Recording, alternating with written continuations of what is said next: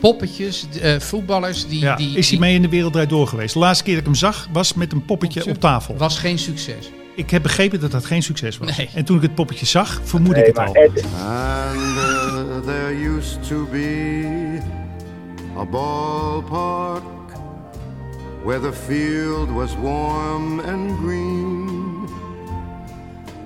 And uh, the people played their crazy game with a joy I'd never seen. And the air was such a wonder from the hot dogs and the beer.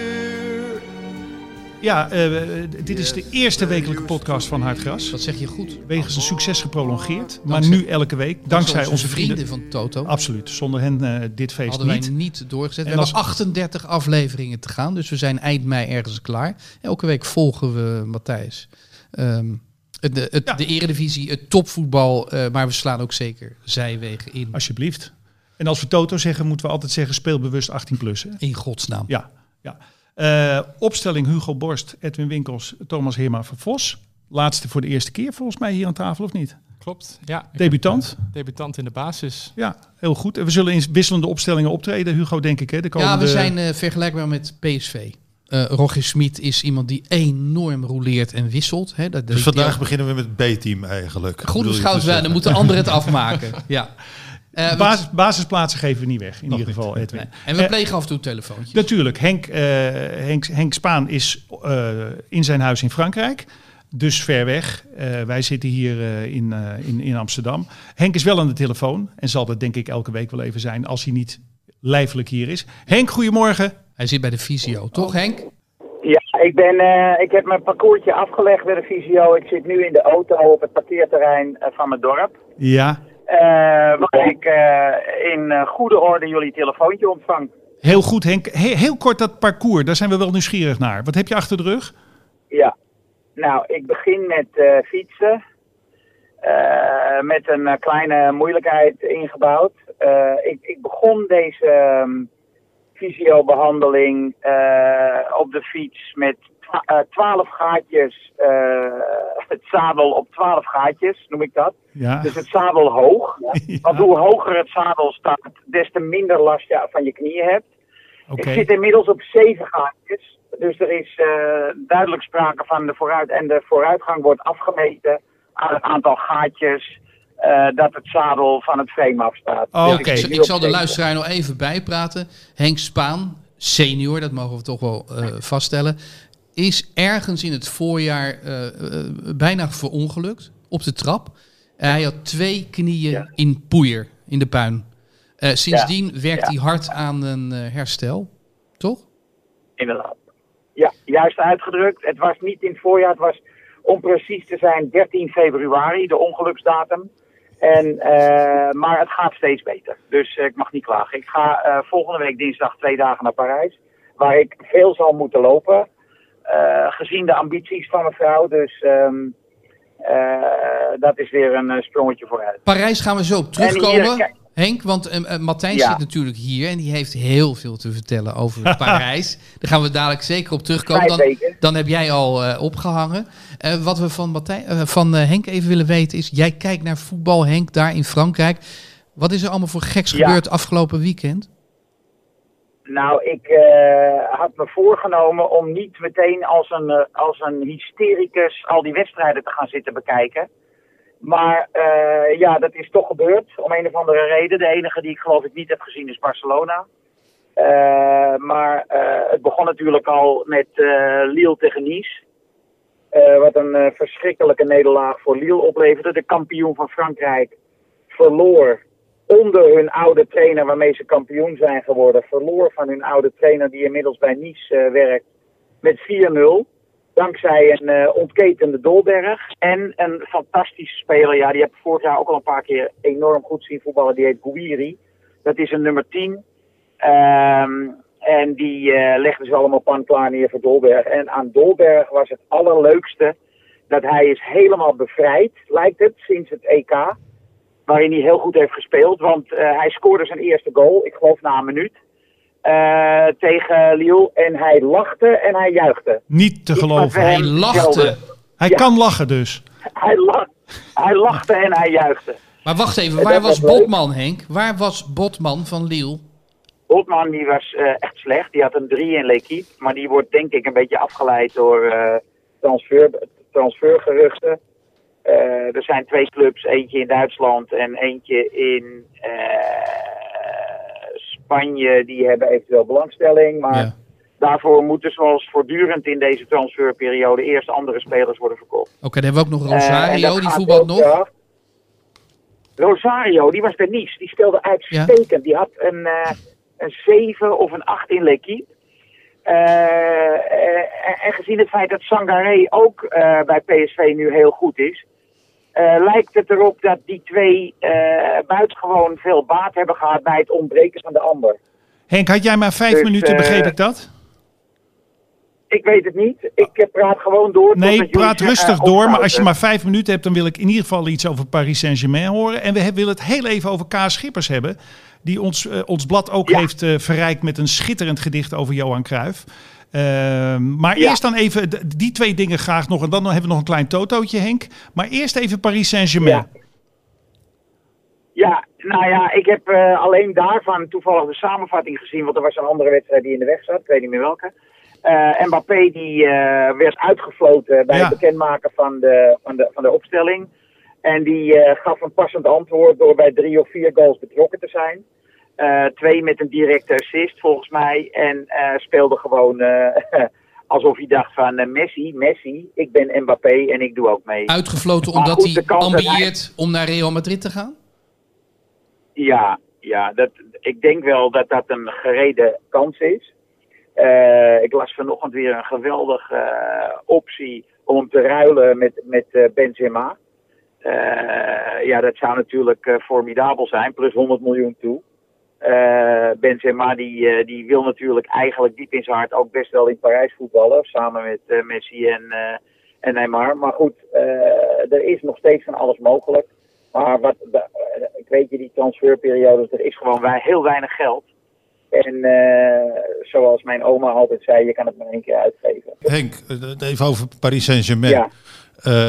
Ik heb altijd Ja. getwijfeld of Parijs ooit een echte voetbalstad zou worden. Het is geen Londen met al zijn clubs of wat dan ook. Alleen maar wat vonden wij altijd redelijk suffe Paris Saint-Germain eh, ge- gehad. Hè? Ver buiten de stad trainen.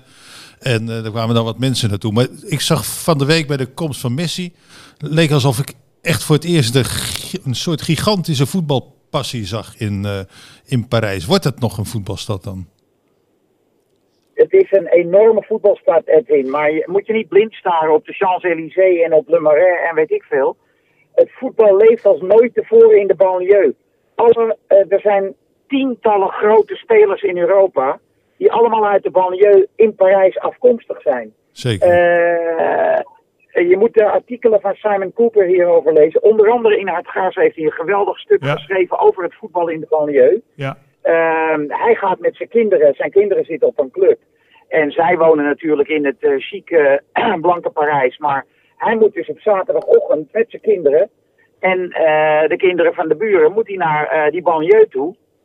Dat zijn eh, de, de voorsteden, de arme voorsteden waar de immigranten wonen. En daar eh, moeten ze dan voetballen. En het is, eh, Simon die vond dat eh, een, een geweldige belevenis. Eh, ja, eh, omdat er zo ontzettend veel voetbalpassie is. Alleen, ja, eh, het Parc des Princes ligt eh, natuurlijk binnen de ring. En dat is niet de wijk waar, eh, waar het voetbal wordt gespeeld. Dat is in de wijken eromheen. Ja.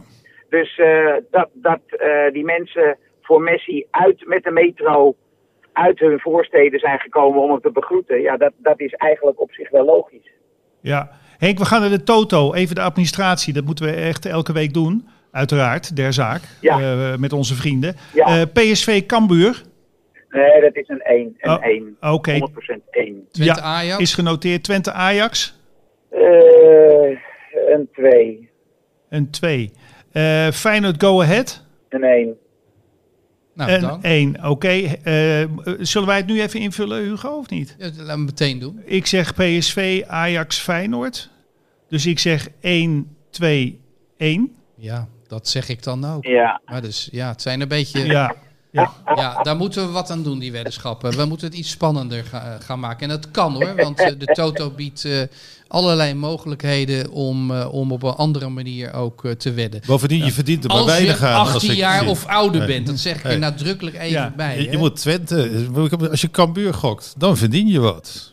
Dus je PSV zie ik daar staan op Ja. die lijst. Oh, je dan bent een gokker. je 10 euro Winkels. per... eh, Jij bent zo'n type dat wel eens naar het casino nou gaat. ja, als je een keer speelt, dan wil ik niet voor 1 euro 1,20 euro krijgen omdat PSV gewonnen heeft. Nee, dan moet je iets meer. Nee, dat zie je toch verkeerd. Je wilt toch de kenner zijn? Nou, daar ben ik nooit geweest. Ik heb nog nooit één uitslag goed Oh. gehad. Dit lijkt me iets voor de evaluatie na afloop. Doen we K. Schippers? Nou, even Nog Henk. Ja, Henk. Kaasschippers. Ja. Ja. Jij En, hebt hem eh, volgens mij van ons allemaal het best gekend. Nou, eh, eigenlijk mijn vrouw Harriet, die kende hem al heel erg goed eh, voordat ze mij leerde kennen. Dat is eh 40 jaar geleden. Eh, en door haar kwam ik ook bij, bij hun thuis. Eh, ik heb een keertje, dat weet ik nog wel, op een oude jaar heb ik een eh, stukje opgevoerd. Samen met het toen zesjarige zoontje van eh, Rogier Proper. Wij speelden het oude en het nieuwe jaar. En eh, de grap was dat ik dan het nieuwe jaar was. En eh, dat jongetje van zes het oude jaar. Eh, met een grote baard omgeknoopt. Eh, dat soort dingen gebeurden er daar thuis. Ja, Allerlei, eh, want hij, Gerard die eh, stond nooit stil, die was altijd bezig. ja. En eh, die, die stond ook open voor alles. Hij heeft niet voor niks, heeft hij meegedaan aan het programma Poets hè, met Sherry Duims. ja, dat was de verborgen was, camera de- voor, de, de voor de jongste luisteraars. Ja. Dat was een eh, verborgen camera. Van la. Ja. ja, Ja, de eerste verborgen cameraprogramma in Nederland, dat was gek genoeg. Volgens mij was het Avro toen. Eh Avro of VPRO, dat weet ik Die niet kan ik me nog herinneren. Dan zag je de eerste uitzending was een man. eh, ik denk dat ik 7, 8 was. En die, een, een, een man met Chinees, Aziatisch uiterlijk. op een racefiets. En, en die keek verdwaasd naar mensen die voorbij liepen. En die riep alleen maar China Glens. China Glens. Zeg jij dat nog? Zeg jij dat nog ja wat, ik, da- ik herinner me Hij gek genoeg op iets anders. Hij, was naar, van hij China. vroeg de weg naar China en hij reed door een bos. Ja. Dus toen kwam hij af en toe eens een echtpaar tegen met een hond. En dan vroeg u, kunt u mij, weet u waar China ligt? Dat weet ik ook nog wel, ja. Ja, dat was poets. Ja. En het was ook bij een Ja. eh, slagerij dat er een eh, een goud, Goudvis. goudvissenkommer stond Ja. op de toonbank. En dat iemand een, eh, had dan een wortel in zijn hand. Ja. Maar dat zag je niet. En die deed dan net alsof hij een goudvis ineens op had. Mensen verbijsterd in de slagerij. Ja, voorbij. Wij haalden onze Altijd moeder uit de goudvis. keuken. Ja, ja, ja, ja, ja, Ja. poets. K. Schippers, Gerard Stichter, heeft een prachtig gedicht voor Hartgras geschreven, Henk. Weet je dat nog? Herinner je dat nog? Zeker. Hij, zijn moeder, die eh, overigens eh, ongeveer 100 jaar is geworden, dus aan de genen lag het niet bij Gerard. eh, die woonde onder Johan Cruijff, Saxe Weimarlaan volgens mij, aan het Vondelpark. Ja, En eh, als Gerard op bezoek was, dan zaten ze allebei, eh, hij loopt. En dan zaten ze te luisteren naar de voetstappen van Johan Cruijff. En dat is, typ, dat is nou typisch een schippers eh, eh, element. ja, want Johan Cruijff woonde boven zijn moeder. Ja. Ja, het bijzondere zien in iets ongelooflijk triviaals. en daar was hij natuurlijk eh, de, de, de meester in. Ja, En eh, dan zaten ze te luisteren, eh, die oude mevrouw en hij, naar de voetstappen van Johan Cruijff. We kunnen een klein En stukje voorlezen, realiserend hoe... We hebben het, we hebben het hier het voor staan. nu? Ja, nee, maar wij hebben het hier voor Ah. staan. Eh, dus is er iemand die eh, een klein stukje wil doen? Thomas? Ja, als het iets groter kan. Mijn ogen zijn... eh, Het gedicht heet Onder de grasmat. En volgens Ja, mij heeft K. Schippers het ook gepubliceerd in iets andere vorm toen Johan Cruijff overleed. En toen was hij stadsdichter Ja, van Amsterdam ja, en toen heeft hij het in het Parool gepubliceerd. Maar dat was eigenlijk, de basis was dat gedicht wat hij ooit eh, aan ons heeft Ja. eh, toegestuurd. Eh, Thomas, Ja. ben je zover? En zeker. dit gedicht... Ja. Voetstappen boven mijn hoofd. Ja, voetstappen. Niet zacht, niet hard. Daartussenin. Iemand verplaatst zich. Je hoort het net. Onzichtbaar vloerverkeer. Dan zegt mijn moeder dat Johan Cruijff sinds kort boven haar woont. Oren gespitst. Gedempte geluiden die je anders vergeet. Ineens is het stil. Weer gaan zitten? Wanneer zal hij opstaan? Verder lopen naar het geringste. Laat hem dorst krijgen en dan naar de keuken. Laat de bel gaan. Ja, en zo gaat het nog eventjes verder. Eh, ik denk als de mensen goed eh, zoeken, dan komen ze dit gedicht ergens tegen. Dit kan je googelen op K. Schippers Kruif en dan heb je het meteen. aan. fantastisch geschreven. Ja, Prachtig. gedicht, ja. Ontzettend mooi. Ja, ja, ja, ja, ja. Nou goed dat we even stilstaan bij iemand die Hartgras ook glans heeft gegeven. We, we zijn nooit opgericht, Hugo, Ja. om de literatuur eh, in de voetbaljournalistiek te krijgen of zoiets. Ja, dat hebben jij en Henk eh, gedaan. Ooit bedacht en daar ben jij snel bijgekomen. En dit is natuurlijk wel voor ons dan zo'n sieraad eh, uit de Nou, geschiedenis zo van ons hebben blad. wij wel meer eh, krasse knarren eh, in ons blad gekregen. Wie, wie hebben we eigenlijk niet gestrikt? Ik denk dat W.F. Hermans heeft die. Nee, die heeft nooit voor ons geschreven. Nee. Gerard Reven ook niet. Had wel gekund, want die leefde nog. Ja, Jan Wol- Wolkers wel. Wolkers wel. Jan ja. Wolkers wel. Adriaan Morien. Ja, Zegt jou dat nog wat, Thomas? Ja, Ja, die namen die galmden soms nog net bij mijn studie Nederlands. Maar echt in de verte. Ja, precies. AFT van de Heide. Ja, AFT van de Heide vonden wij een reuzenvangst. Want dat was echt wel de top van de literatuur in ja, zo'n Een 25 jaar. stukje ook over Tonio, overigens, over de geboorte van Tonio. Daar is een fragment daarvan staat in Hartgras. Ja, en wij gingen natuurlijk, eh, dat weet Ja, Edwin ook nog. Ja, sorry Henk. wou ik nog even zeggen dat eh, op de camping, waar, waar dat stukje ook over ging, alleen eh, komt de naam niet voor, maar wel in het boek dat hij eh, over Tonio heeft geschreven. Op de camping waar, ze loge- waar zij verbleven in de zomer, stond in de tent naast hun de familie van Persie. Dus eh, eh, Robin, die heeft, ehm, ik weet niet of hij nou echt met Tonio heeft gevoetbald, maar het waren wel buren. Ja, en wij gingen toen eh, altijd eten. Na elk nummer, dat weet Edwin ook nog wel, en Hugo al helemaal, gingen we met dat clubje wat dat hè, wat had bijgedragen Zuid-Zeeland? naar, naar Zuid-Zeeland Ja. op de Herengracht in Amsterdam. En als je ooit had meegeschreven, mocht je altijd te komen. Dus die club die dijde uit. En op een gegeven moment hadden we het hele restaurant in mijn herinnering. En dat waren bonte Ja, avonden. ja.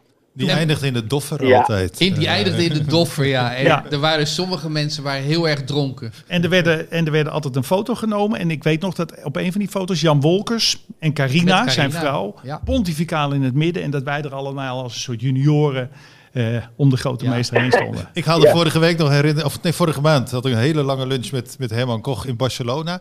En volgens mij ook in de, een van de eerste twee nummers van Hard Gras kan ik me nog herinneren. Een heerlijk verhaal over het huis waar hij van, van zijn schoonfamilie in Barcelona. Waar hij in zo'n lange gang van 10 meter en 1 meter breed met zijn neefje voetbalde. Ja, ja, en daar zijn ja. neefje enorm Ja. onderuit trapte. Eh, ik geloof, het jochie was Ja. gek van Stoichkov of zo. En, eh, Nou, Herman Koch kwam in Café de Pels, waar Henk en ik eigenlijk dit blad hebben bedacht. dat ooit. was het tussenstation tussen het eten en de En. Koch zat daar met Jiskevet en wij hadden daar niet zoveel contact mee. Maar op een gegeven moment hebben we Herman, die begon te schrijven en al wat naam had, gevraagd: zou je mee willen doen aan ons voetbalblad? En zo is er toch ook wel weer een grote vriendschap Een ontstaan. spaatje tussen- rood met eh Risto. Ja, Dat, ja. ja. Ja. ja, klopt. En nu we het er toch over hebben, eh, Henk, blijf nog even hangen als dat kan. Of moet je weg? Ja, ja. Nee, nee, zeker. Nee, Nee, ja. eh, dit 27 jaar geleden begonnen we ons blad. Of 28 jaar geleden. Ik zat in Friesland. Ik kocht een fax om de stukken die binnen zouden komen te kunnen lezen. Want ik zat in Friesland. Dat, eh, kan je nagaan hoe lang dit geleden is. En toen kwam binnenrollen als eerste, en toen zag ik ook dat de fax het deed, het stuk wat Hugo maakte voor nummer 1 van Hartgras. Een portret of een interview met Brian Roy. En daar moest ik ontzettend aan denken deze week, omdat hij zo ontzettend naar en raar in het nieuws is. Een redelijk ontspoorde Brian Roy die eh, een nekschot wil geven aan, aan, aan Rutte. Die, Ja, die, die, Voor de rechter komt. Hè, die Hugo iets? de Jonge. Na, na- ja, op 30 september komt de zaak voor. Kun je nagaan, wat, wat is hier gebeurd, Hugo? Ik ben hem eh, volledig uit het oog eh, verloren. Wat ik wel hoort van zijn eh, eh, oud eh, voetbalcollega's is ja, dat, dat hij een beetje de weg is kwijtgeraakt. En eh, in samenzweringstheorieën gelooft en daar ook heel druk eh, over is op social media. En eh, ja, hij zegt ook heel ongepaste dingen. Want het is nogal wat als je de, de premier koppelt aan eh, een, een, een headshot. En Mhm. dat je Hugo de Jonge koppelt aan eh, nazi. Eh, dan is er wel wat mis eh, met je. Wat dat precies is, ja, dat durf ik niet te zeggen. Want ik, nogmaals, ergens een jaar of 15 geleden ben ik het contact met hem Oh, oké. verloren. En denk je dan niet, ik zou daar wel een nieuw stuk over hem willen schrijven? Ja, dat, dat heb ik wel eh, gedacht. Maar Thomas, ik eh, lig tegenwoordig veel op de, op de bank thuis. En eh, wa- wat mij bedreigt is, eh, is eh, een vorm van luiheid. Wat zeg je nou eigenlijk, Hugo? Dat je eigenlijk op een bank ligt en daar blijf je voorlopig even liggen? Geen zin meer heeft om... Zin om achter Brian Roy Nee, aan te ik denk dan, ik denk dan steeds van ik heb er de kracht niet voor om eh, dit verhaal, eh, dit vervolgverhaal op te, te tekenen. Dat is niet goed. Maar dat Geloof jij in, eh, eh, in, het, in, in, in, in dat je jezelf oplegt als, oplegt als meester, dat je een leerling opleidt? Culturele dienstplicht wordt het wel genoemd. Dat je iets heel goed kan en dat je dan denkt: oké, ik ga op een bank liggen, maar toch niet nadat ik iemand heb opgeleid om het vak te beheersen zoals ik dat zelf heb gedaan. Nou, het is wel zo dat ik eh, heel veel praat met mensen die op de school van de voor de journalistiek zitten. Of ja, in, in dat opzicht eh, wil ik nog wel wat kennis eh, overdragen, zo tegen mijn zestigste. Eh, maar ik heb de kracht niet om het zelf te doen. Moet je Ja. lachen, Henk? Nee, maar ja, sorry. Ik moet Maar, lachen, ja. maar ja, nou ja, je kan me uitlachen. Maar eh, dat heb ik nou. eh, Ik lach nou je niet uit. Ja. Ik lach je niet uit, ik lach je toe. en eh, ik vind wel dat jij dat stuk met Brian Roy zou kunnen maken.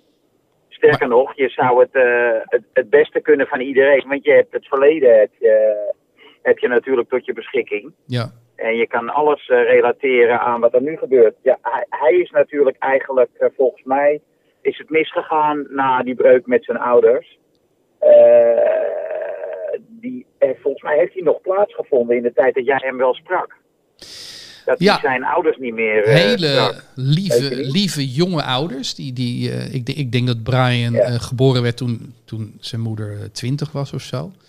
En ik heb nooit kunnen vermoeden dat ja, ouders en kind gescheiden zouden raken. Want het was zo ontzettend hecht. Al voelde ik wel een, een vorm van beklemming. Dat de grip op hem van die ouders misschien wel iets te groot was. Wat daar precies is gebeurd. Hij is, ja, ja, ja, ook, de, ook de, de, de moeder wel. Maar ontzettend lieve mensen. Eh, maar hij heeft natuurlijk, natuurlijk ook een, een huwelijk gehad. En eh, dat is eh, uiteindelijk spaak gelopen. Ja, maar hij, hij heeft wel gezocht in het voetbal. Nee, ze denken, twee, drie jaar geleden belde hij me ineens op. Uh, nooit contact met hem gehad. We hadden het nummer van iemand gekregen. ja. Ja, het- ik, eh, jij weet heel veel van Barcelona. Ik heb een fantastisch trainingsprogramma ontwikkeld voor de jeugdopleiding, et cetera. Kun jij mij aan iemand helpen om mij bij de jeugdopleiding van Barcelona binnen te leiden? Want dit moeten ze weten. Dit is zo groot. Mhm. Dit is de toekomst. En hij wilde ook een gigatrainingscomplex in de buurt van Marbella opbouwen. Of zo. Dus hij is tot voor kort nog wel met dat voetbal bezig geweest. ja, hij heeft ook wel eens geïnvesteerd in Ja, poppetjes. Poppetjes, eh, voetballers die... Ja. die, is hij mee in de wereld door geweest? De laatste keer dat ik hem zag was met een poppetje Poppetje? op tafel. Was geen succes. Ik heb begrepen dat dat geen succes was. Nee. En toen ik het poppetje zag, vermoed ik het maar al. Ed, hey Edwin, dat, eh, Ja. Ja. Ja. Edwin, dat plan, dat plan van Brian Roy, dat eh, was dan zeg maar iets wat hij dan had ontwikkeld bij de, bij de jeugdopleiding van Ajax. Maar het stelde helemaal geen fluit voor, man. En Toen was het al, toen was het al totaal mis met hem. Ja, ja. Hij, hij is ook eh, niet voor niks, geloof ik, drie keer ontslagen bij Ajax. Hè? En steeds weer, omdat hij was heel goed met Danny Cruijff. En die redden hem steeds weer, weet je wel. Dus eh, eh, die, die tijd van die grootse plannen en het voetbal een nieuwe impuls geven, dat, ja, dat had natuurlijk met Cruijff te maken. En, Jammer, Maar dat was al helemaal niks. aardige jongen. Ja, het is echt eh, het is Ja. een, een groot drama. Ja. Edwin, jij bent nu weer in Amsterdam. Eh, je, komt weer uit, je komt uit Barcelona, neem ik aan. Ja, ik heb de laatste vijf weken. Het is voor het eerst dat ik weer een, kort, een lange broek aan heb. Ik Ja. heb vijf weken in korte broek gelopen. Mag ik je toch even vragen hoe het is om. om eh, hoe, hoe ligt Barcelona erbij sinds een week? Hoe is de sfeer in de stad? Hoe is het in de tapasbar? Nou, Hoe is het op de Ramblas? vorige week, vandaag nu ben ik er niet. Kijk, ze hebben gisteravond met 4-2 gewonnen. Een aardige seizoenstart. Maar je begrijpt wat ik bedoel. Maar Het gaat mij om de sfeer in de stad. de, In de rauw- straten. Nou, eerst eh, enorme shock. Ehm, toen toch nog de hoop. Van nou, kan niet waar zijn. Dit is een spelletje of zo eh, met, Ja. met de Liga. Hè, die wil hem niet inschrijven. De voorzitter speelt een spelletje. Werd de persconferentie voorzitter. Nee, het is echt voorbij. Nou, ik wil mensen geen valse hoop geven. Persconferentie Messi. En toen waren er toch nog mensen op een zondag die dachten van... Die gaat zeggen van ik blijf. Toch, Barcelona is mijn stad. doe het voor niks. kinderen. Ja, dat soort dingen. Dat kan Eh, niet eens. Nee, dat kan niet. Dat is een heel lang verhaal. Eh, dat, dat had sowieso niet gekund. Eh, zelfs niet voor een kwart van zijn salaris. Maar eh, nou, die dag boorde die de, al die hoop de, de- de hele diepe grond in. En eh, hadden een zondag dat bijna niemand kon geloven. Maar de, de, de, de, de echte droefenis, dan denk je, dan, dan moet zo'n stad gaan rouwen. Dan, ga, je, dan ga jij, pak jij je fietsje van Sietjes, fiets je even Ja, snel de stad in als journalist. Je denkt, ga eens even kijken hoe de stad erbij ligt. Ja, ik ging naar Gevloerd. Ik ging naar het Camp Nou. Ja, het- kijk, het is niet de stad. Augustus is eh, half Spanje op vakantie, dus het is vrij leeg. Eh, je zag het gisteren ook in het stadion. Ehm, ondanks de coronamaatregelen mochten er 30.000 mensen in. Er zijn maar 20.000 gekomen. Oh. In het Camp Nou de Heeft, heeft Memphis dat aan zijn fiets hangen? nou, Geen Hij interesse. moet hem, eh, nog niet. Het is augustus. Dan is echt iedereen weg. De grote steden lopen, lopen leeg. Maar ik ging naar, de, naar het Camp Nou. Daar, voor het eerst zag ik toch wel weer de toeristen terugkomen. Het, het was anderhalf jaar helemaal leeg geworden. En ja, veel interesseert niet. Veel lopen dan toch nog wel in Messi-shirts. Er hingen ook Messi-shirts binnen. Maar als, als je de mensen sprak en zo. En, maar die dag dat ik er was, dat was dinsdag, kwam echt ook de allergrootste klap. En dat was om Messi.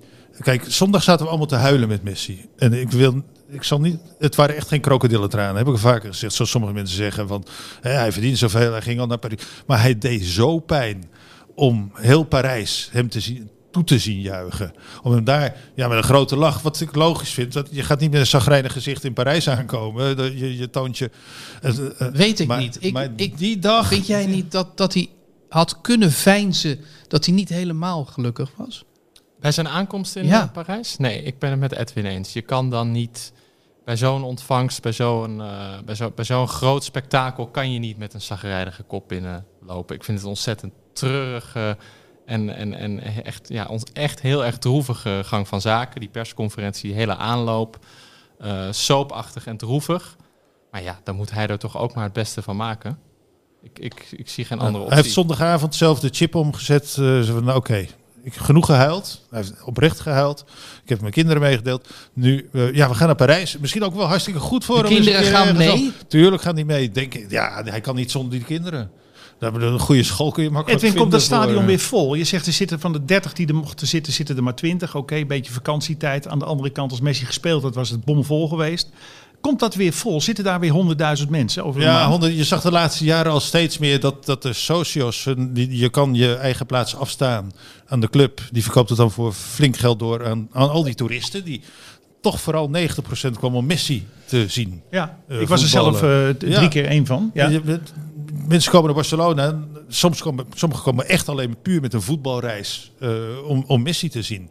Dat zal wegvallen. Eh, en of die socios, die, ja, die zijn ook zo enorm teleurgesteld eh, in, in die club. Alles wat er gebeurd is. Dat hun grote held weg is. Dus ja, dit team wat er nu staat, inderdaad met Memphis, zal moeten proberen weer een beetje dat stadion voller te krijgen. Maar het loopt nog steeds niet heel vol met toeristen. Dus het, het, ik denk dat we dit seizoen misschien met 50, 60.000 mensen moeten doen. Wat al aardig wat is natuurlijk. Mensen zullen ook wel weer zin in krijgen, zeker als het gaat lopen.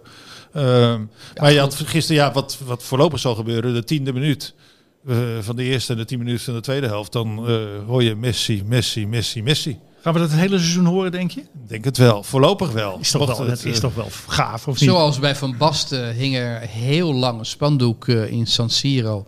Marco per sempre. Ja. Hè? Voor altijd eh, Marco van Basten. Ja.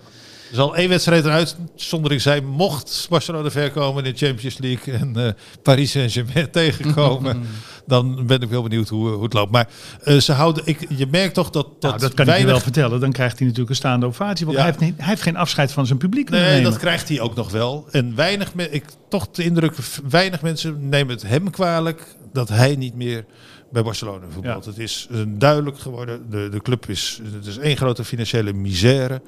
Eh voorzitter Laporta bevestigt dat ook nog eens in de Jij, persconferentie. jij gaat hem zo spreken, hè? Nee, Ja. wat moet je doen? Over, je moest over een Nou ja, deze is uit, de podcast is uitgezonden als Ja. eh wordt uitgezonden Maar dat als maakt niet uit. persconferentie al dat, geweest is. dat de om 12 luisteraars een uur- beetje weten hoe het, werkt. Laporta wacht even tot deze podcast voorbij is. En dan Het, het is half twaalf en om 12 uur begint Laporta een persconferentie. en ga jij een vraag Uit te stellen aan hem ook? Nee, want ik zit hier. Ik, eh, Oh, maar dat kan niet. Dat, eh, nee, het is presentieel daar. Maar dan gaat hij exact uitleggen hoe een accountantbureau heeft eh, alle cijfers eh, uitgezocht van de club. En dan gaat hij vertellen dat er 400 zoveel euro eh, verlies is geleden, uh, schulden administratie. opgelopen. Het, eh, En de vraag is, wie is er nou schuldig aan geweest? Is dat nou de vorige voorzitter? Is het de huidige voorzitter? Eh, de, het vorige bestuur heeft op de grote voet geleefd. Ja. Dat konden ze omdat Barcelona 1 miljard euro aan inkomsten had, of begroot had voor, voor het seizoen voor corona. Maar corona heeft het natuurlijk allemaal volledig te gronden gericht. Om, al die inkomsten, de helft van de inkomsten viel weg. Al die toeristen, al de marketing, merchandising. Dus alleen de tv-gelden hebben ze een beetje overeind eh, gehouden. Dus ze, ze hebben dat wel. Omdat ze zoveel geld hadden, ze, hebben, ze kregen ooit 222 miljoen van eh, Paris Saint-Germain voor Neymar. Dat hebben ze, hup, Dembélé, hup, Ja, en Coutinho. toch- en en toch, was al dat geld alweer op. is het raar geweest, want zij dachten te kunnen meebieden, eh, meewedden eh, tegenover de oligarchen bij andere clubs. Maar die hebben natuurlijk een onuitputtelijke bron aan, aan, aan olie en geld. En Barcelona had niet zoveel geld. En die hebben spelers aangetrokken voor astronomische transfersommen, ook krankzinnige salarissen. Ja, Dat, was wel heel opportunistisch Dat is, eigenlijk. dat is groot Nog één minuut geweest. Barcelona, Wat, wat, één minuut wat, nog. Wat één karaktertrek van Barcelona was ook die eigen jeugdopleiding.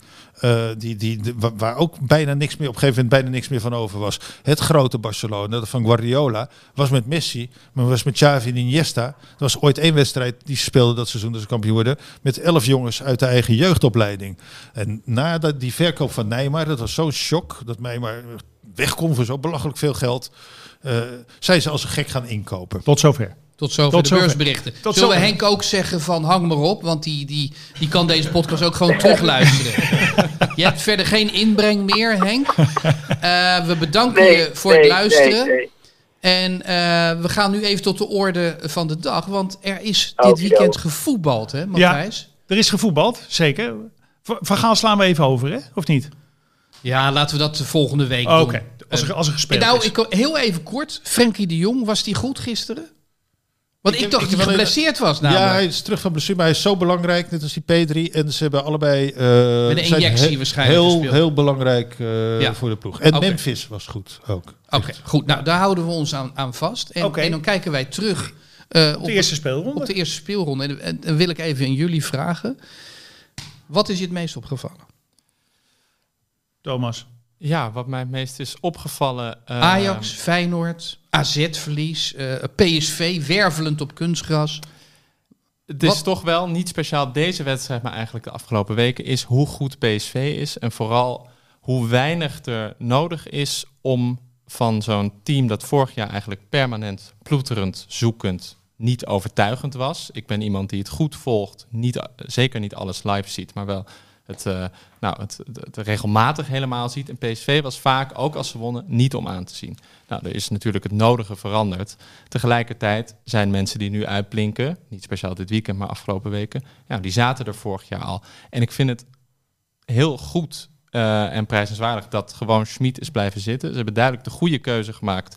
Dumfries en Malen, ook toen die er nog waren, niet laten meetrainen, niet laten meespelen. Heel vroeg bedacht hoe ze het gaan doen.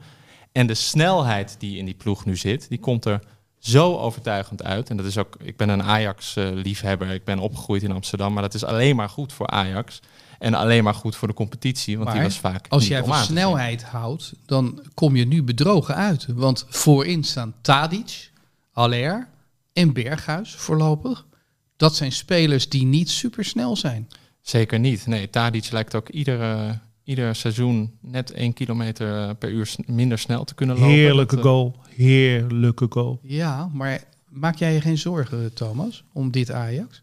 Nee, ze hebben wel eh, te weinig gedaan in mijn ogen. En ik, eh, volgens mij Op de komt dat, transfermarkt. ja, volgens mij komt dat vooral omdat er niemand eigenlijk weggaat. Volgens mij is het he- was helemaal begroot op, eh, niet eens financieel, maar qua doorselecteren, zoals dat dan heet, op Taya Vico weg. Nou, die is er nog steeds. Die wil niemand hebben, hè? Nee, dat is ook, en begint ook tragisch te worden. En Neres eigenlijk hetzelfde. Volgens mij zou Ajax er enorme baat bij hebben als die nu vertrokken was. Nou, twee jaar geleden kon hij geloof ik voor 40 miljoen naar China. Toen wilde niemand dat. Inmiddels kan je zeggen, dat had toen gewoon Gemiste moeten gebeuren. kans. Enorm gemiste kans. Ik Alvarez kunnen ze nu verkopen voor 20 miljoen aan Ren. Ja, niet doen. Niet doen, die moet je houden. Ik dacht Henk Spaan heeft opgehangen, maar we hebben hier een ander pleitbezorger van Alvarez. Ik vind Thomas een heel sterk debuut maken, moet ik zeggen. Nou. ik, ik vind het een hele, hele fijne analyse. Goed, dan hebben we Ajax gehad, maar dan wil ik toch wel iemand horen over Feyenoord. Nou, doe jij het even. Zal ik dat eventjes doen? Ehm, we achten het onmogelijk. Hè? Na Dick Advocaat, de oldschool trainer die Feyenoord het liefst eh, met kont tegen de 16 aanzag. En van daaruit is eh, probeerde om te schakelen met veel te weinig snelheid. Er zit nu een trainer, hij heet Arne Slot. En wonderwel, het ziet er fris en fruitig uit. Feyenoord speelt een metertje of twintig vooruit, jaagt op de bal. Eh, tegenwoordig heet dat hoog druk zetten, maar ik leef nog in 1974. Toen noemden wij dat jagen op de bal. Wat 1974 betreft, laten we niet vergeten om ook nog één minuut aan de heer Bomber te besteden. Zeker, een grafreden. Doe jij die? Eh, nou, ik zat aan Edwin te denken. Het Edwin lijkt de ook iemand-. Die heeft ook gehuild eh, in 1974, toen wij met 2-1 verloren. Weet Thomas wie de heer Bomber is? Ik weet wie der bomber is, maar ik kom uit 1990. Dus eh, je kunt ook nagaan dat ik eh, weinig beelden op mijn Er was maar één man die dit goed had kunnen doen en dat is Frans Tomezen. Ik heb alles geprobeerd om Frans te pakken te krijgen. Hij is onderweg naar Herman Koch, ergens in Zeeland. Het is mij niet gelukt, want als iemand de volzinnen had kunnen En uitspreken... het Duitse voetbal omarmt. Ik weet alleen niet of de heer Bomber zelf het leuk had gevonden. Of Frans Tomezen hem had uitgeluid. Maar Frans komt denk ik volgende week of die Ja. week erop wel langs. Dan laten we dat alsnog doen. doen. Laten we de heer Bomber eventjes Ik liggen. hoorde gisteren trouwens, ik dacht bij jou in, eh, langs de de lijn? Ten Hag, die dus bij, Bar- bij Bayern heeft gewerkt. En daar was hij spitsentrainer. Ja. En de heer Bomber is natuurlijk, eh, die, die, die, die, die werkt langzaam, verdween hij uit het leven, laat ik het zo maar zeggen.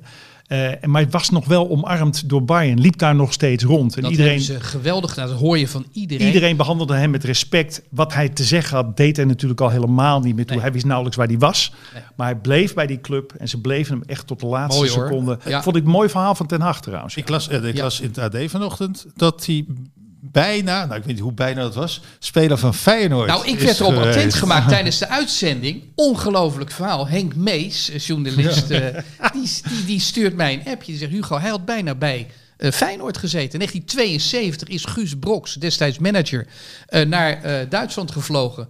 En hij had hem bijna binnen. Er schijnt materiaal te zijn. Brandpunt, 18 maart 1972. Waarop eh, hij zegt, de heer Bomber...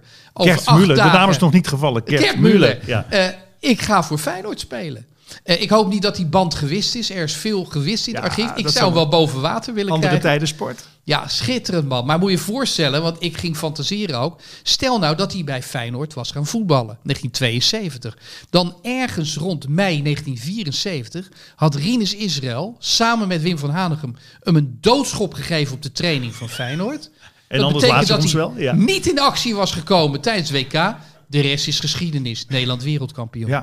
Maar over een, een centrumspits en nummer 9 gesproken, heb, las ik ook bij jou, in jouw woorden, dat Feyenoord... Feyenoord heeft gespitst. Nee. Nee, dat is Dat ze- krankzinnig. maar dat ze echt wel met een nummer 9 moet gaan voetballen? Anders wordt het toch niks? Ja, leuke, leuke kop wel, die gozer. Jaren 50 kop. Til. Ja? Die gozer. Vind ik. Ja. Nee, maar het is wel raar dat Feyenoord geen spits heeft. Daar staat Til, daar staat eh eh, Linsen. Eh, dat zijn uh, surrogaatspitsen. Mhm. En Feyenoord hoort natuurlijk, want ook Feyenoord heeft prachtige spitsen voortgebracht, een spits te hebben. En dat zou de kroon op het werk zijn van Arne Slot. Ik bedoel, ik ga nu snel, hè, Ja. want het is van niks ineens heel erg eh, heel veel geworden. Feyenoord zou wel eens kunnen aanhaken bij Ajax en PSV. Eén competitiewedstrijd, hè? Eén wedstrijd. Ja, we zijn erg Jongens. opportunistisch in Eh, deze. Grasduin is in al die spitsen die Feyenoord gehad heeft. Welke spits, welk type spits hebben ze nu nodig? Ga even de gouden geschiedenis van Feyenoord door. Welke spits zou je nu in een tijdmachine willen zetten en die zet je nu? Ja, dat is toch kindval. Kindval, gaan we zo ver terug? Nou ja, ik kan ook. Ik ga weer even naar Thomas. Weet jij wie Kindval is? Nee, nee, nee. nee. Eh, eh, ik denk dat jij wel Kroes kent. Ja, natuurlijk. Ja, ja, Ik dacht dat je, ik dacht dat je die zou noemen. Ik dacht, jij noemt Ah, dat vond ik wel een hele mooie Argentijnse eh, spits. Prachtige techniek. Onderkoelde eh, man. En maakte Feyenoord in 99 onder Leo Beenakker Ja. eh, kampioen. Dat zou een goede spits voor Feyenoord zijn. Maar ja, die moet je wel zien te ontdekken. Kindval, even voor Thomas, scoorde in de Europa Cup één finale. Dat is tegenwoordig de Champions League. Eh, de beslissende goal 1970. tegen, in 1970 tegen Celtic. Celtic. En toen won Feyenoord als eerste Nederlandse club de Europa Cup 1, de Champions Maar League. Hugo, veel, veel teams spelen ook nog wel de laatste jaren met een valse nummer 9. Is Ja, ooit kan. begonnen met Messi. En dat is ook een beetje het idee van ooit Johan Cruijff. Eh, als je goed, als de tegenstander twee goede, waanzinnig goede centrale verdedigers heeft, dan zit je er gewoon geen spits neer. Want dan weten ze niet meer eh, Ja. wie ze moeten dekken en wat ze moeten doen. Dat kan. Nou kunnen de ploegen in Nederland zich daarop gaan richten natuurlijk. Hè. Die weten, oké, dat is die Til die daar als eh, valse negen staat. Maar het, het kan ook een mooi trucje blijken te zijn. Nou ja, dat is inderdaad zo, maar het is wel noodgedwongen. Feyenoord heeft geen geld, dus eh, kijk, je kan ook zeggen, ze hebben toen die Bozeniek een paar jaar geleden gehaald voor 4 miljoen euro. Daar heb je gewoon helemaal niets aan. Die moeten ze nu ook voor 600.000 euro aan de kambuur zien te slijten. Nee, dat- die hebben dat geld niet eens. Ze Maar hebben de- nogal vaker wat foute spitsen gekocht ook. ja, geloof maar het leuke van Feyenoord is, er is hoop in Rotterdam. En Ja. je voelt het, je ruikt De het. koolsingels swingt. Ja, of die volstroomt, dat is, eh, valt nog te bezien. Eh, tot zover Feyenoord. Eh, hebben we PSV gehad. PSV Feyenoord hebben veel gemeen trouwens. Snelle uitbraken. Ik zag het in Tilburg. Willem II Feyenoord. De uitbraken via Til en die Sinistera. Ook een goede speler. Eh, en PSV heeft dat ook. En eh, dat is wel interessant. Ajax traag in de aanval. Ik, ik maak me een beetje... Nou, zorgen wil ik niet zeggen, want ik kom uit Rotterdam. Maak me daar een klein beetje zorgen om. Sparta. Verschrikkelijk. Ja, Ja, dat was niet best. dramatisch hè. Ja. Is, is dan Fraser met zijn hoofd al half eh, in, Nee, in, die oranje, in die oranje broek of niet? Nee, nee. Nee, ze zeggen dat Utrecht ook goed is gewoon. Hè. Utrecht was hartstikke goed. En bij Sparta is het heel vervelend dat eh, al die spelers, maar dat geldt in deze periode, transferperiode, eh, heel erg, die worden eh, ja, benaderd door clubs en willen allemaal een transfertje maken, hoger dan Sparta uitkomen. En ja, de spits bijvoorbeeld T, dat is een Poolse club, en die maakt die jongen eh, ook eh, heel opgewonden. Ja, dus eh, de kracht van Sparta was vorig jaar achtste geworden, heel knap. Ja? Eh, dat was teamgeest. Ja, die zat er nu eventjes niet in. Nee. Eh, Matthijs, ik kijk eventjes naar jou. Ja. Jij ziet er niet zongebruind uit. Ik weet dat je in Parijs bent geweest, vijf weken. Was het slecht weer? Ik wil eventjes over Parijs praten, omdat jij een prachtige... Dat kan niet anders. Ik heb net al een stukje gezien. En de eerste minuten van de documentaire, een vierdelige serie... die jij samen hebt gemaakt met Snollebolletjes, ja, Rob Kemps. Rob Kemps. Ja. Eh, vertel eens wat. Want dat, wanneer komt het op de buis trouwens? 17 september, vrijdagavond, eerste aflevering. En dan vier weken achter elkaar. Hoe heet het? Chansons, met een uitroepteken. Ja. Liedjes. Het gaat over Franse liedjes. Rob en ik kennen elkaar niet. Kennen Nee. elkaar nu wat beter. eh, maar kenden elkaar niet. Maar hielden allebei en houden allebei van Franse chansons. Dat is redelijk exotisch in Nederland. Dus ons werd gevraagd toen dat duidelijk was... zouden jullie op pad willen gaan en ons eens wat willen leren over het Franse lied? En eh, dat hebben we gedaan onder leiding van een regisseur. Dus het is voor mij totaal ander werken Dirk dan... Jan Roeleven. Dirk-Jan Roeleven, die dat volgens mij formidabel doet. Eh, maar je bent, eh, ja, het is een kunstwerk. Er komen natuurlijk clipjes bij, archiefbeelden, er komt geluid onder enzovoort. Dus ik Maar vielen er geen stiltes? Ik bedoel, ehm, de man met wie jij dit bent gaan doen, eh, die houdt ook van chansons. Dat hebben jullie dan gemeen. ja, Maar voor de rest zie ik niet zoveel raakvlakken tussen jullie. het is een buitengewoon aardige jongen. We verschillen natuurlijk reusachtig in leeftijd. Hij is begin 30 en ik ben 60. Eh, maar we, ons, ons, ons, onze band is natuurlijk het lied, maar ook wel Parijs. En het is bovendien gewoon een ontzettend aardige gozer. Ik heb ontzettend veel lol gehad. Je bent met een clubje op pad, mannetje of zes. En daarmee eh, struin je die stad door op zoek naar eh, mensen, locaties, eh, graven, huizen. Eh, ja. Je hebt tegen mij maar- gezegd, nee, sorry. de man is een genie. Nee, de man, dat, dat zou, ik geloof niet dat ik dat gezegd heb, maar de Rob hij Kemps, heeft een bijzondere eigenschap. Ja, hij heeft een, een vaardigheid, een spier die wij niet hebben. En dat is een olifantengeheugen, een fotografisch geheugen. Hij lepelt, en dat wist ik ook niet, daar kwam ik eigenlijk op dag één of twee al snel achter. Hij lepelt, ik denk duizend liedjes zo voor je op, van A tot Z. Dus niet de eerste regel of een beetje fluit, het melodietje. En dat geldt niet alleen voor liedjes, dat geldt ook voor televisieprogramma's die hij die, die, die gezien heeft, films, eh, plekken. Eh, ja, het is, het is een. Het is, Fotografisch dat. Ja, dat is, wel, dat is wel spectaculair te noemen, moet ik zeggen. En daar hebben we natuurlijk veel aan gehad. Dat, dat, werkt, eh, dat, dat was ontzettend leuk om te merken. En om er ook mee te werken. Ja, Ontstond er ook nog een strijd van eh, wie weet het meest? dat is geen wedstrijd. Ik ben echt eh adjudant tweede klas en hij is veldmaarschalk. Echt, er is, dat is geen wedstrijd. Het enige de fitty die we een beetje hebben is, hij is heel erg voor Brel en ik ben heel erg voor Asnavour. En dat spelen we een klein beetje uit. Maar dat, daar ging het ook al heel snel niet meer over. We hebben gewoon heel veel mooie Franse liedjes eh, laten horen. eh, een beetje verteld wie het waren. Want de meeste zangers zijn natuurlijk dood. Dus het is een beetje een museumtocht. Is dit Maar- een, eh, een sentimentele reis of is dit een opvoedkundig programma? Het is het natuurlijk beide, want eh, Thomas is denk ik niet opgevoed met Franse liedjes thuis. Alhoewel, nee. Allerminst. Nee, en ik bijvoorbeeld wel. Eh, dus de oudere generatie, nog boven mij, dus de tachtigers, die kennen dat allemaal nog wel. Toen was Edith Piaf echt nog wel een grote artieste en Brel. En dat stond ook gewoon in de, op de radio, werd dat gespeeld. En het is opvoedkundig als je wil dat de jongste generatie kennis nemen van iets wat nu exotisch is eigenlijk. Dat wordt er bij die Fransen zelf, zei je voor de uitzending tegen mij, eh, ingeramd. Hè? de Fransen, schoolkinderen. Ja, de, de Fransen omarmen het chanson. Dat is een cultureel erfgoed. Toen Asnavour overleed, dat zou je eens terug moeten kijken. Dat is ongelooflijk. Toen sprak Macron.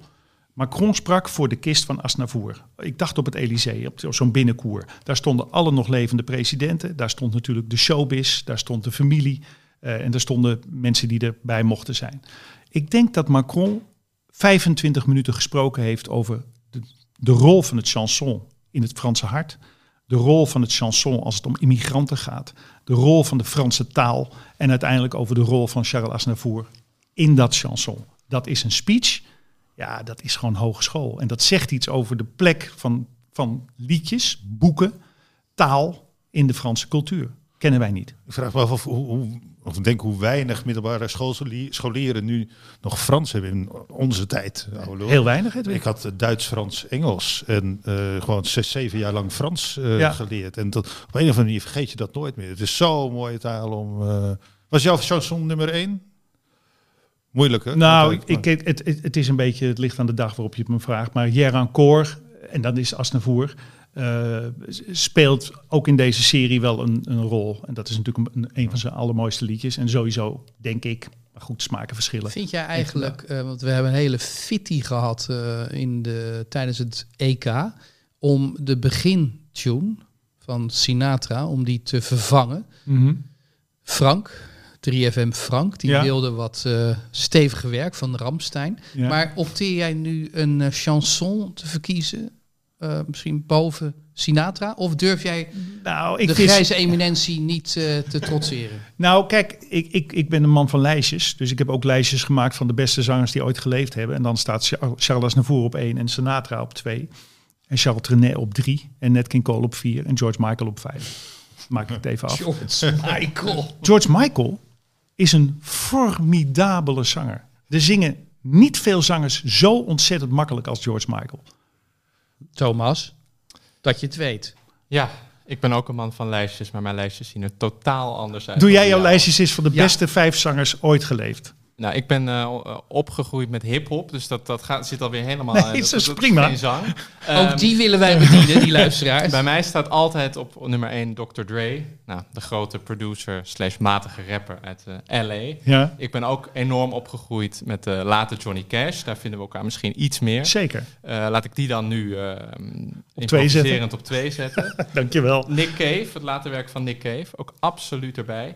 En verder ga ik dan toch weer even richting de hip-hop. Eh, iemand als Nas is een waanzinnige verhalenverteller. En eh, echt eh, niveau eh, K. Schippers in zijn, in zijn hip-hop teksten. Nou ja, dat, dat zijn zijn andere we- Nu lijstjes. zijn we bijna rond. We zijn bijna rond. ja. Ongelooflijk. We zijn bijna maar rond. George Michael, moet, ik, ik ben het zo ver met je eens. Je moet, dat is een video die ik altijd op YouTube heb staan. eh, in het eerbetoon aan Freddie Mercury. eh zingt hij Somebody to Love in Berlijn op Ja. het podium.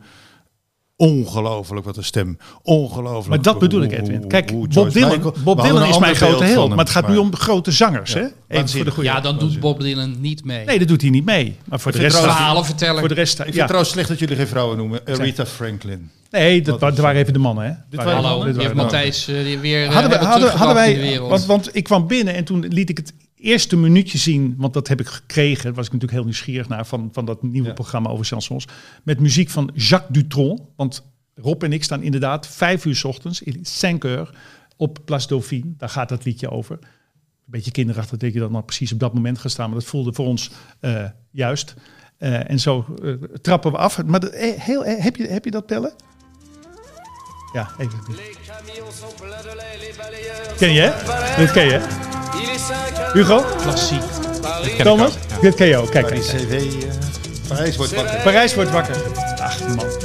Is dit niet ook in het Nederlands vertaald door Van der Plas of zo? Ja, volgens mij wel. Volgens mij is dit vertaald, ja. Dat moet ik even... Dat zou Rob Kempsje onmiddellijk vertellen. En die zou het ook meteen gaan zingen. Ja. Veel Eh, dingen. Herman van Veen die, die Brel heeft vertaald. Zeker, En, eh, natuurlijk. Er zijn ontzettend ja. veel chansons vertaald.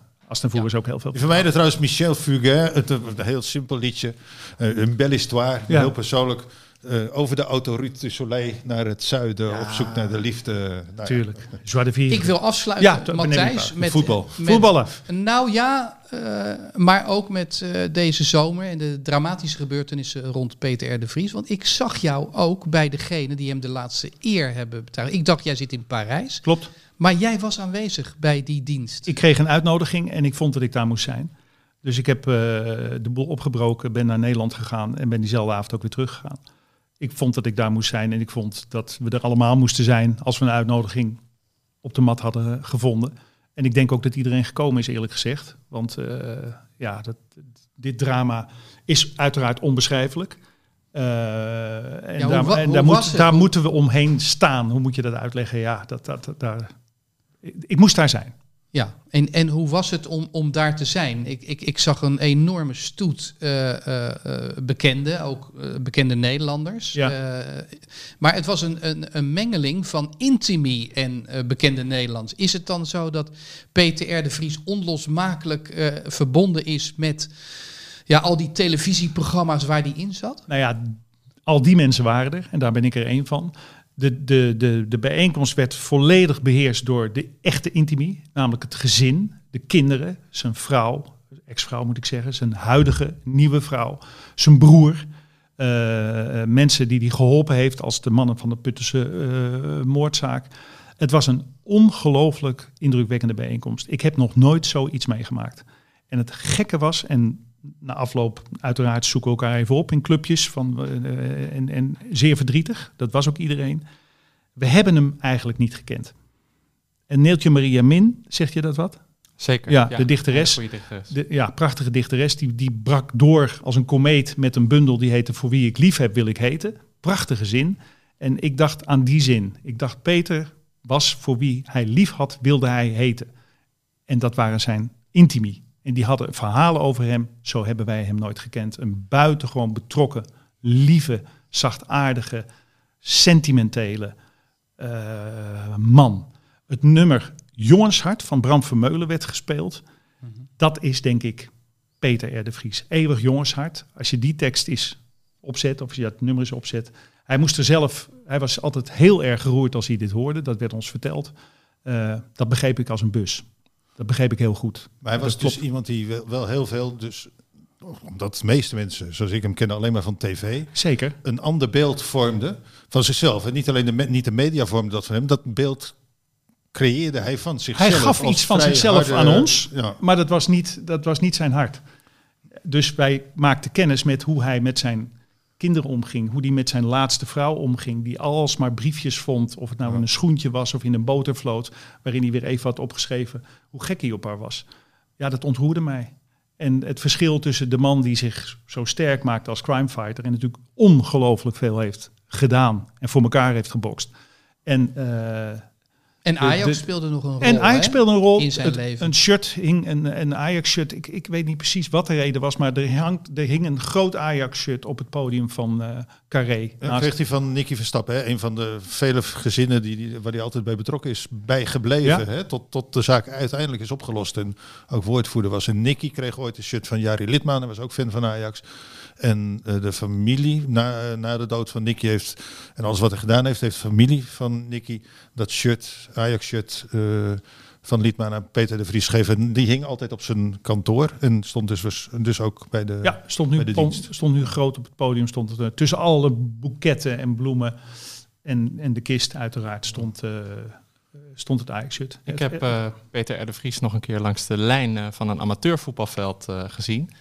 En dat eh, was, eh, ik, ik speel al jaren amateurvoetbal, heel laag, eh, stroef. Elke zondag. Dat was jaren geleden. Toen dook hij een beetje aan het einde van de wedstrijd op. Gewoon, gewoon langs de kant. Hij ging niet meedoen. Maar we hadden toen via een speler van ons team een invaller slash collega van diegene. Die mocht bij een pre-season match, ging hij een keer meedoen. We hadden spelerstekort. En het viel me al wel op dat die man, die jongen, denk rond de 30 die inviel, eh, ontzettend eh, dezelfde stem had als Peter R. de Vries. Ah. Hij zag er eigenlijk ook Ik hetzelfde voel hem aankomen. En eh, hij speelde goed. En het mooie moment was, nou, kennelijk was Peter R. de Vries senior even in de buurt. En die eh, dook op langs de lijn aan het einde. Maar het mooie was, we kregen een penalty in de tweede helft. En toen stapte eh, de zoon naar voren en die zei... Ik neem hem. En ik vond dat zo, een, ik vond dat zo overrompelend stoer in een Ja. team waar je eigenlijk niemand kent. En hij schoot hem onberispelijk binnen. Dat Juist. wil ik ook nog wel even achteraan zetten. Oké, mannen, dit was een eh, stemmig, eh, eh, veelzijdig begin van eh, eh, de reeks Hard Gras die wij eh, continueren. Nadat het EK is geweest, is de Eredivisie weer begonnen. En eh, we hebben afgetrapt. Zo. En ik vond het een fijne eh, podcast. Ik wil nog eventjes zeggen eh, dat we de Toto willen bedanken. Ja. Eh, de Toto steunt ons eh, eh, om hier samen te komen. En dat doen we in eh, heel verschillende opstellingen.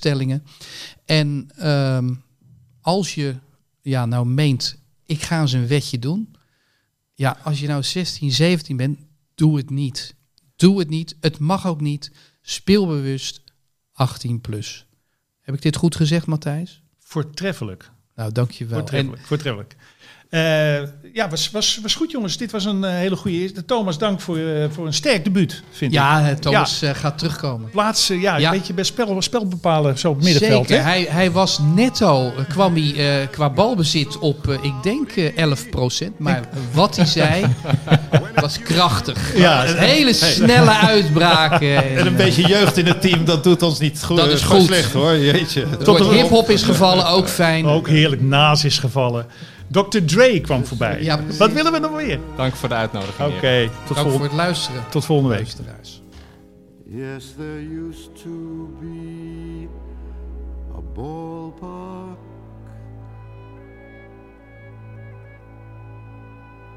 right here